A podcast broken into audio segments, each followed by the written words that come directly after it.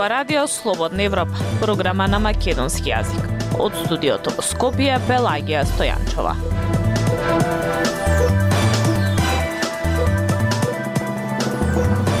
Во денешната емисија на Радио Слободна Европа објавуваме Зад затворени врати ќе се бараат одговори за неодговорените прашања за Бехтел и Судскиот совет повторно не избра преседател.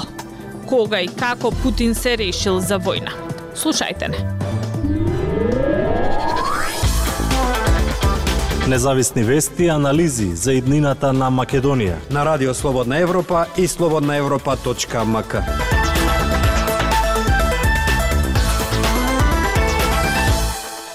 На затворена седница во Собранието ќе се разговара за сите дилеми и детали за изградба на коридорите 8 и 10D. Опозицијата треба да предложи надлежно тело и датум за разгледување на договорот. Од ВМРО ДПМН е бара договорот да им биде предходно доставен на увид и да имаат разумен рок за да ги достават нивните забелешки. Марија Тумановска ја слушаме во продолжение. Иако иницијативата за представување на договорот пред пратениците е на опозицијската ВМРО ДПМН, оваа партија не присуствуваше на денешната координација кај собранискиот спикер Талат Џафери. Ставот на присутните на координацијата е дека со оглед на тоа што иницијативата е на опозицијата, а опозицијата не присуствува на координација, опозицијата да предложи надлежно тело за разгледување на договорот до председателот и да определи датум кога ќе се разгледа договорот. Веднаш по отворањето на комисиската седница, претениците ќе се изјаснат за затворање на седницата за јавност. Информираат од кабинетот на Собранискиот спикер.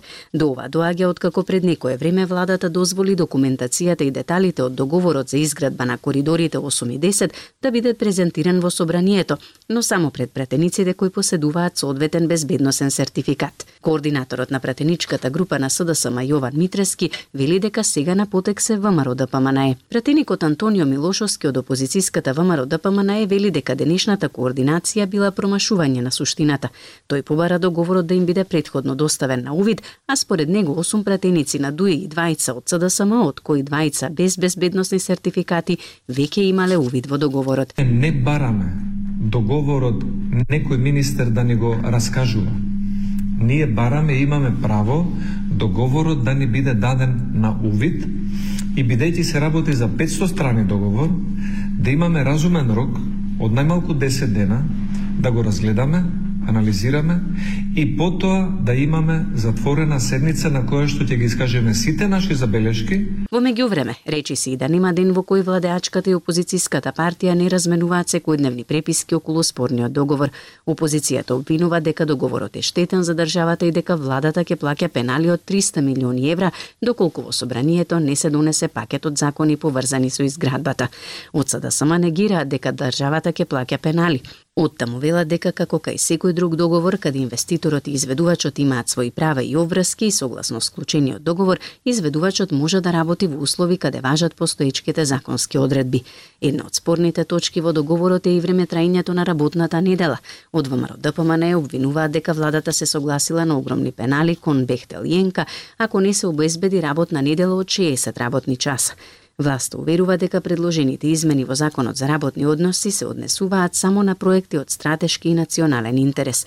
Оттаму велат дека станува збор за решение со кое градежните работници кои работат ќе добиваат надомест од 50% повеќе за секој час работа во недела и ќе добиваат надоместок за прекувремена работа за останатите прекувремени часови. Освен владата, договорот подпишан со конзорциумот Бехтел Јенка го има и јавното обвинителство кое отвори предмет за коридорите, а предмет отвори и Државната комисија Комисија за спречување корупција. Членовите на оваа комисија досега не го добиле договорот, иако имаат безбедносни сертификати.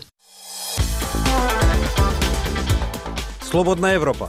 Следете на на Facebook, Twitter и YouTube. Судскиот совет повторно ја одложи седницата за избор на председател, со што дополнително ја зголеми загриженоста за независноста на судството. Причината за одложувањето на седницата засега е непозната. Но судството не го мачат само случувањата во судскиот совет. Повеќе од Владимир Калински. За помалку од пет месеци, две председателки на судскиот совет беа сменети, што предизвика сериозна загриженост за независноста на судството. И двете обвинија дека причина за нивната смена е политички интерес. Весна Дамева ја презеде функцијата во декември 2022 година, а беше разрешена минатиот месец во постапка која судската фела ја оцени како незаконска. Незината предходничка Павлина Црвенковска поднесе оставка и обвини за претисоци од судско бизнис елита. И Дамева и Црвенковска беа назначени за председателки на судскиот совет на предлог на председателот на државата Стево Пендаровски. И двете дојдоа од редот на стручните соработници, но сепак нивниот краток мандат беше одбележан со обвинување за политичко мешање во судскиот совет. Според поранешната врховна судијка Вера Коцо, самиот факт дека двете се од редот на стручните соработници значи дека немаат статус на истакнати правници што би можеле да се справат со предизвиците кои ги носи оваа функција. Црвенковска, таа си даде оставка.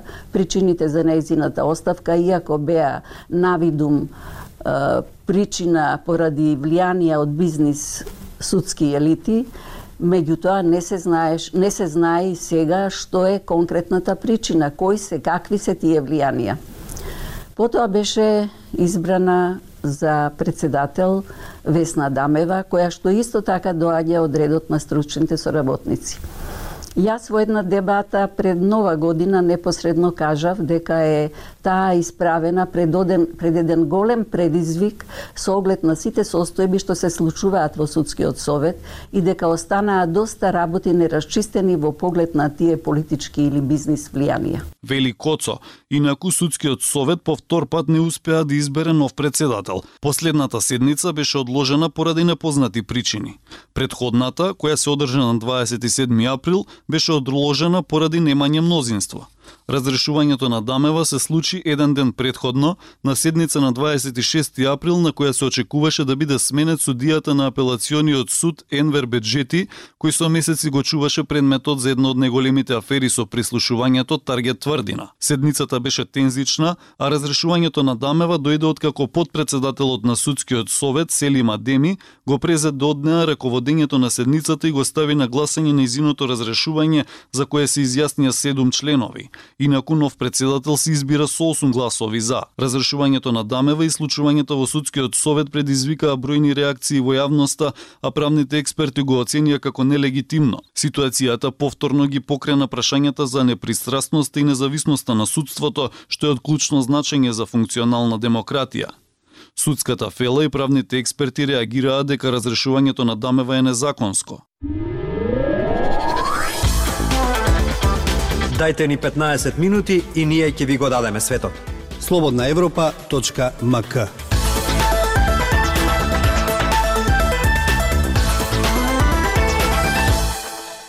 Децата од генерација Алфа или родените по 2010-та не избрале да живеат во дигитално време кога вештачката интелигенција го менува светот кој го гледаат преку екран, што ги разликува нив од генерацијата Z. Треба да ги разбереме, да го извадиме позитивното кај нив, порачува професорката Тамара Ќупева. Емилија Бундеска Нацелска има повеќе на оваа тема. 14 годишниот Гоце од Скопје според возраста припаѓа на генерација Z, каде влегуваат млади, родени од 1996 до 2010 година. Неговиот брат Матеј, кој има 7 години, припаѓа на наследничката генерација Алфа. Јас и брат ми сме и слични и различни. Слични сме по тоа што сакаме двајцата да играме PlayStation, а различни сме по тоа што тој сака да само да гледа TikTok, а јас сакам некогаш да играме и карти или шах. Вели Гоце. Иако се разбираат околу социјалните мрежи, помалиот има забелешка за тајмингот на користење. Мене ме нервира кога вечерта гледа Инстаграм, то дека спијам, ме нервира. Додава Матеј. И сестрите Јована и Софија од Скопје се од две различни генерации. Јована има 14 години, а Софија е родена во 2013 па е дете на генерација Алфа. Помалата забележала разлики во начинот на кој тие стигнуваат до информации. Секогаш кога ми треба некоја информација, ја барам на интернет, а брат ми и сестра ми ги ја читаат во некоја книга. Вели 9 годишната Софија. Не сме многу голема разлика во години, но имавме различно детство, вели незината постара сестра. Кога бевме колку нив, цело време по цели ден бевме не се прибиравме, а они сега во ова време, повеќето време сега дома на видеоигрици или онлайн. Изјави Јована. Она што ги обединува Гоце, Мате, Јована и Софија, односно нивните генерации, е дигиталното време во кое живеат. Сепак во последната деценија дигитализацијата доживува поголем бум. Ген Z и Алфа имаат нишки кои ги поврзуваат, но сепак има разлика, вели професорката по македонски јазик Тамара Ќупева, која истражува во областа на образованието и комуникациите. Генерацијата полна со јутјубери, тиктокери и геймери ја нарекува и генерација на скринејџери, дигитални домородци и номади во отворениот онлайн простор, но и стаклена генерација. Го восприемаат светот низ екранот, низ стаклото на екранот. Вели Ќупева. Заради инсистирањето на околностите, најмногу и на родителите, оваа генерација е ставена во ситуација веднаш да расте, созрева и да го спознава светот преку екранот, и тоа ќе ја направи поразлична од сите други смета професорката. Како неголема закана, таа го смета тоа што младите од алфа може да бидат и лесно кршливи, бидејќи важат за емоционално ранливи, оти немале време да созреат. Ако свеста на родителот е висока, детето сепак ќе биде подготвено за живот во ова време време, посочува професорката. Актуелности свет на Радио Слободна Европа. Пријателот на Путин, бизнисменот Јури Ковалчук, одигра одлучувачка улога во одлуката на Путин да започне инвазија. Тој, според извор близок до Кремљ, го убедил Путин дека Европа е поделена со противречности и дека сега е најдобро време за брза операција. Пренесува Емил Златков. Рускиот председател Владимир Путин се одлучи за целосна војна со Украина кон крајот на февруари и почетокот на март 2021 се наведува во истрагата на изданието Layout. Новинарите разговарале со извори блиски до руското раководство. Според соговорниците, причината за големата вооружена инвазија за Путин во голема мера била некаква лична огорченост и желба за одмазда. Негативниот однос кон Украина од рускиот председател е формиран долги години, пишува Лејаут. – Последната капка наводно беше затворањето на медиумските средства на Виктор Медведчук, проруски политичар близок до Путин, објави Радио Слобода. Подготовките за инвазија траја речиси една година, но сето тоа време Кремљ постапуваше од погрешни простории и пресметки, вели истрагата. Пријателот на Путин, бизнисменот Јури Ковалчук, одигра одлучувачка улога во одлуката на Путин да започне инвазија. Тој, според извор близок до Кремљ, го убедил Путин дека Европа е поделена со противречности и дека сега е најдобро време за брза операција. Друг извор им кажа на новинарите дека во клубот за дискусија Валдај во октомври 2021-та, еден од представниците на агенциите за спроведување на законот, кои биле присутни таму приватно, тврдел дека Русија сака да го промени режимот во Киев. Друг соговорни пак тврди дека во декември 2021 Русија разговарала како Украина ќе се подели меѓу големите корпорации. Според истражителите, министерот за одбрана Сергеј Шојгу не се расправал, па дури и се радувал на одлуката на Путин да ја нападне Украина. Еден од соговорниците, кого новинарите го нарекуваат стариот пријател на Путин, рече дека Шојгу не ја разбира состојбата во армијата. Шефот на Министерството за одбрана наводно мислел дека војната операција нема да биде посериозна од анексијата на Крим. Извор од администрацијата на рускиот председател тврди дека руските власти не се подготвувале за долга војна. Група од 160.000 војници беше фрлена во војната со Украина. Ова не е доволно за да се освои држава со 44 милиони граѓани. Поранешен функционер на Кремљ во разговор со Лејаут истакна дека речиси целата политички и војна елита на Русија се противи на војната. Истовремено, представниците на највисоките ешалони на власта во приватни разговори велат дека треба да работат тимски. Еден од соговорниците на публикацијата рече дека главен функционер на Државната дума не може да поднесе оставка – Откако ја објави својата намера да поднесе оставка, представници на службата ФСБ дојдоаха неговата сопруга и неговиот син. Русија ја нападна Украина на 24 февруари 2022 Според Обединетите нации, до средината на април 2023 над 8500 цивили биле убиени, а повеќе од 14.000 биле повредени како резултат на војните действија. Овие податоци можеби не се целосни, објави Радио Слобода. Ја слушавте емисијата на Радио Слободна Европа, програма на македонски јазик. Од студиото во Скопје со вас беа Пелагија Стојанчова и Дијан Балаловски. До слушање.